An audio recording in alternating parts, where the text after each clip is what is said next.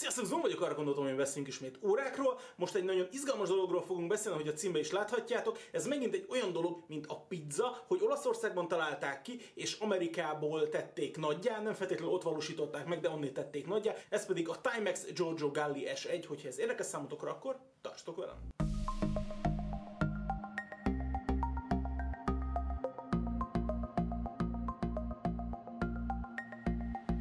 Ez most a podcast verzió. A teljes élmény érdekében nézd meg YouTube-on. Egy kis tisztázás ugye így az elejére. Ez az óra, ugye ez egy mechanikus óra, amiről beszélünk. Az úr, akiről szó van, a Giorgio Galli. Ő a Timex-nek az egyik vezető designere. A Timex ugye egy amerikai cég a kvarcválságos videóban, már volt róluk szó többször is, de a Timex-et azért alapvetően úgy ismertük meg az elmúlt nagyjából két évtizedben, hogy főleg a kvarcok között virítanak, és igazából a mechanikus dolgokat már nem gyártják. Volt korábban olyan, hogy gyártottak ilyet, mutattam is ilyen példányokat, például olcsó pecekes gát szerkezetes verkeikkel gyártottak olcsó mechanikus órákat, 70-es évek végén, 80-as évek elején, viszont ez gyakorlatilag eltűnt a portfólióból, és a Giorgio Galli kapta meg a lehetőséget, hogy egy saját nevével fémjelzett órával visszatérhessen ehhez a mechanikus irányhoz a Timex. Érdekessége, hogy a Timex úgy tűnik, hogy mostanában felszálló ágban van, belenyúlt olyan nagyon jó régi retro modellekbe, amik így megmelengedték az óragyűjtőknek a szívét. Több ilyen modellről is volt egyébként szó. Volt a Timex Marlinnak az új kiadása. Ez azért sokaknak tetszett, és egyébként én is úgy gondolom, hogy egy szemlevaló dolog kicsit retro, vagy nagyon retro, kicsit Bauhausba hajlik, de hát nyilvánvalóan nem az, tehát azért nem olyan, mint mondjuk a Junghans, vagy ilyesmi.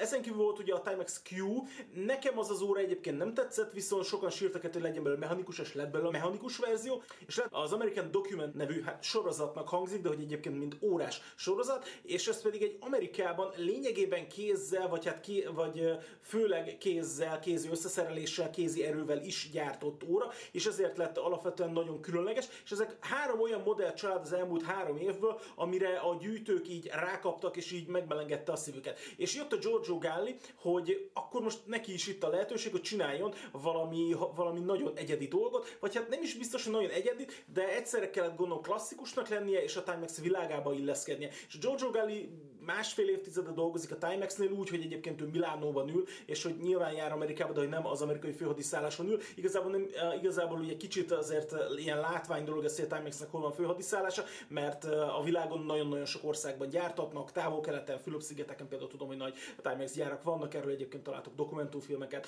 vágóképeket, Indiában is gyártanak Timex dolgokat, tehát hogy, hogy azért a Timex még mindig nem tért vissza arra, hogy na, most bezárunk mindent a távol-keleten, és kézi amerikai erővel gyártunk dolgokat, tehát hogy az American Document ilyen szempontból egy kivétel, maga az az óra széria, nyilván nem fognak erre áttérni.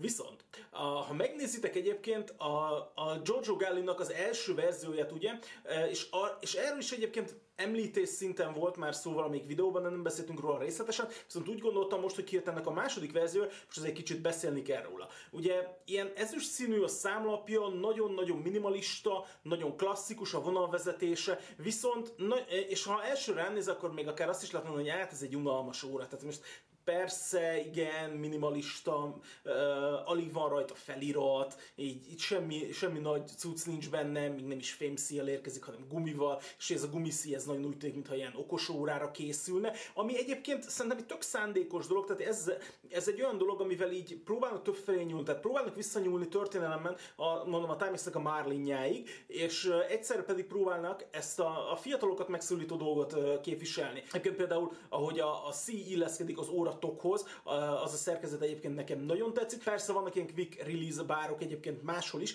viszont ez nekem kimondottan tetszett ennek a megvalósítása. Ez a néhány centért előállítható kínai olcsó eldobható dolgoknál azért sokkal-sokkal igényesebb, nem az órára gondolok, hanem csak erre a gyors, a gyors kiengedésű spring barra egyébként. Szóval, hogy, hogy egyfajta igényességet próbál az egész óra tükrözni. És ha megnézzük kicsit közelebbről, akkor izgalmasabb lesz a dolog. Ha mondjuk megnézitek a mutatóit, a mutatói ilyen hát csontváz-szerűek. Tehát, hogy konkrétan a középső részük az úgy hiányzik. Tehát, hogy egy ilyen, ilyen egyfajta izgalmas dolog, és persze ez nem az, hogy ú, most kihagyták belőle a világítást, mert hogy nyilván a luminescalo festék egyébként ott van rajta, de csak nagyon minimálisan. Ahogy egyébként a rakott indexein is, mert hogy rakott indexes maga az óra, a Timex logo az csak nyomtatott rajta, úgyhogy ez egy olyan dolog, ami egyébként szerintem így fájdalmas egy kicsit, tehát hogyha beletettek ennyi igényességet, gyártás technológiát és megvalósítást az órába, akkor a Timex logót igazán rátehették volna egyébként fémből, vagy valahogy máshogy, mint hogy nyomtatták. Tehát ez a része ez nekem egy kicsit ilyen, ilyen fura. Gyártás technológia, ha már említettem, egy nagyon érdekes uh, gyártás technológiát használnak, ez pedig az MIM, sokkal jobban hasonlít, a szilícium előállítás. Az nem pontosan, sőt, igazából csak távolról hasonlít rá, de ehhez hasonlít a legjobban. Kicsit olyan 3D nyomtatós jellegű inkább. Tehát, hogy fogjanak és fémből készítenek egyfajta port egy ilyen érdekes folyamatban, és utána abból építik föl ezeket az alkatrészeket. A 3D nyomtatásnál nyilván sokkal-sokkal-sokkal gyorsabb, és ez is a célja, hogy nagy mennyiségben lehessen velük gyártani, viszont elképesztő formákat lehet vele gyártani, és ezt alapvetően nem az óraipar használják, ez főleg műszeriparban, orvosi eszközöknél, de például használják különböző uh, tűzoltó eszközöknél is, tehát hogy vannak olyan, olyan alkalmazási területei ennek a technológiának, amiben már bizonyított, és hogy miért kellett ezt a technológiát használni, ha megnézzük az, old, az órának az oldal profilját, akkor egyből megkapjuk a választ erre. Megnézitek, hogy gyakorlatilag üreges az órának az oldala, és, és ez ilyen, ez ilyen wow élmény egy kicsit. Tehát innét, innét megfordul a teljes dolog, és már nem mondjuk azt, hogy ú, hogy ez az óra egyébként mennyire unalmas,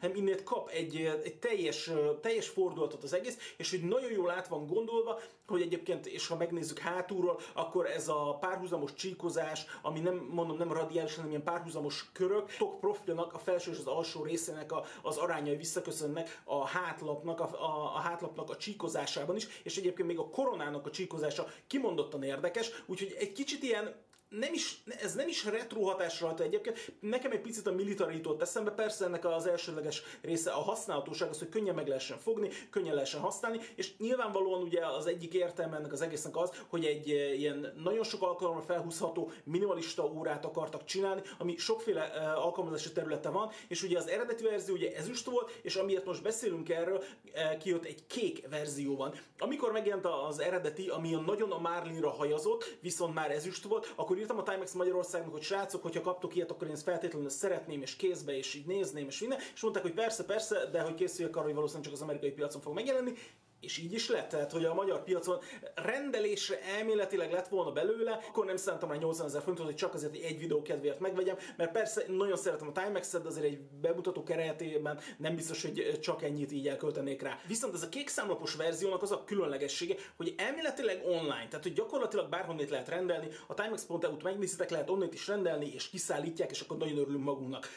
És innét kezdődik a dolog, amivel kapcsolatban vannak aggájaim. Persze, beszéljünk még egy kicsit a verkről, tehát hogy, hogy megnéztük az órát többféle formában, eh, és, eh, és a verk egyébként teljesen jó, 9039-es mióta verk van benne, 28800-as lengésszámmal, tehát hogy ez egy nem a, nem a belépő kategóriás mióta verk, tehát hogy ez kézi húzós is, és másodperc stoppos is, tehát hogy ezzel semmi gond nincs. Egyébként még egy érdekes dolog a számlap közepén, nem tudom, láttátok-e, azt a rózsaszín, hát lényegében uh, szintetikus rubin követ, az szeretné azt kifejezni, hogy ennek az órának szíve van, tehát hogy ez egy mechanikus óra, tehát a szív dobogás az, amit ő ott szeretne mutatni, ez szerintem egy érdekes dolog, bár én nem tudom, szóval jó az ideológia mögötte még minden, de nekem annyira egyébként nem tetszik, ez egy olyan dolog, ami egy ilyen eh, szó, szóval kicsit kompromisszumos ez az órával kapcsolatban. Viszont ha már kompromisszumok, akkor az órának mondjuk a negatívumait. És kezdjük az árra. Rögtön 450 euró az az ár, amit egyébként kérnek érte. Persze, most rossz a forint euró árfolyam, de ettől függetlenül is, ezért az árért sok, sokkal jobb és jobban pozícionált órát kapsz érte. Kapsz, ha már korábban beszéltünk róla, Hamilton, kapsz belőle Glycine, kapsz belőle egyébként Raymond Vett, kapsz belőle egyébként Bulovát,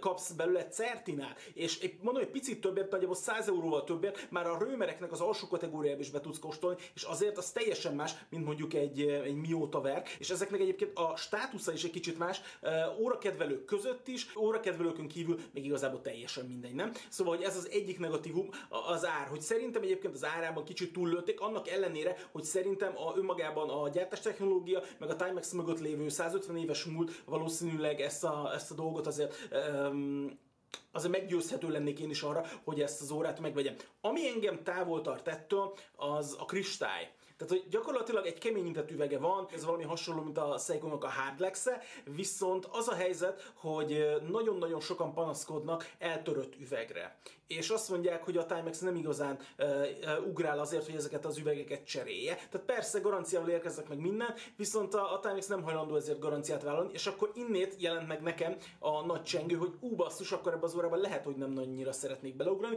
úgyhogy ez egy ilyen pont, amin én egyébként gondolkodom. Nincs a koronazára, ami egyébként nem is baj, nem is elvárható szerintem ebben a kategóriában. Persze most mondom, nem AliExpress-es órákkal hasonlítom össze, ahol ezek megvannak, hanem hogy olyan gyártókkal, akik egyébként európai munkaerővel vagy amerikai munkaerővel gyártanak, gyártatnak, és csak félig meddig a távol-keleten dolgokat. Úgyhogy szerintem azért így fel az összehasonlítás, mert persze most mellé lehetne tenni olyan gyártókat, mint mondjuk Kínából ugye a Steel Dive, vagy mondjuk a Pagani, és akkor így nyilvánvalóan így, így horror ár különbségek jönnek tehát ötszörös, nyolcszoros ár különbségek jönnek ki. Nem akartam ilyet, viszont azt gondoltam, hogy hasonló kategóriát tegyünk hasonló kategóriában, és így viszont a Timexnek a Giorgio Galli S1-je nem áll meg alapvetően. Az egyik probléma még vele egyébként, és ez az, az utolsó, a mérete. 41 milli, amivel nekem személyesen semmi gondom nincs. Viszont vannak nálam sokkal kisebb darab srácok is, akik általában szeretik a kisebb órákat. A 41 milli szerintem nagyon sokakat távol tart tőle, olvastam fórumokat, nagyon sokan erre panaszkodnak, és olyannyira panaszkodtak erre, hogy a Timex már ígéretet tett arra, hogy ősszel érkezik 38 mm-es változata, és érkezik majd ebből egy S2-es változat is. Úgyhogy úgy tűnik, hogy ez abszolút egy ilyen siker széria, úgyhogy a Giorgio Gallinak azért megindult a szekér, és ő személyesen is azt nyilatkozta, hogy szeretné még egy lépcsővel magasabbra, még egy lépcsővel tovább vinni ezt a dolgot. Úgy gondolta, hogy az alapvető Timex-es keretekből ezzel az órával kilépett, és, egy, és lépett egy nagyot, és most szeretne kettő nagyobbat lépni, úgyhogy nagyon-nagyon kíváncsi leszek rá, hogy mi az, amivel Giorgio Galli majd ősszel, vagy majd nem tudom én egy év múlva ilyenkor megjelenik az S2 néven, úgyhogy ez az, amit szerettem volna Giorgio Gallinak az S1-éről, amit mondom, meg tudok rendelni a Timex EU, semmi érdekel nincs abban, hogy megvegyétek, de ha tetszik, akkor vegyétek meg, szerezzétek meg, és mondjátok el, hogy mi az, amit gondoltok. Én úgy gondolom, hogy azért eh, távolságot tartok tőle egy picit, de mondom, meg, meggyőzhető vagyok, hogyha esetleg kijönne egy olyan verzió, amiben Zafirral szerelnék, akkor én szerintem én egyből ugranék rá, így, hogy egyébként ez csak üveg, és hogy még panaszkodnak is rá, hogy egyébként törések vannak rajta,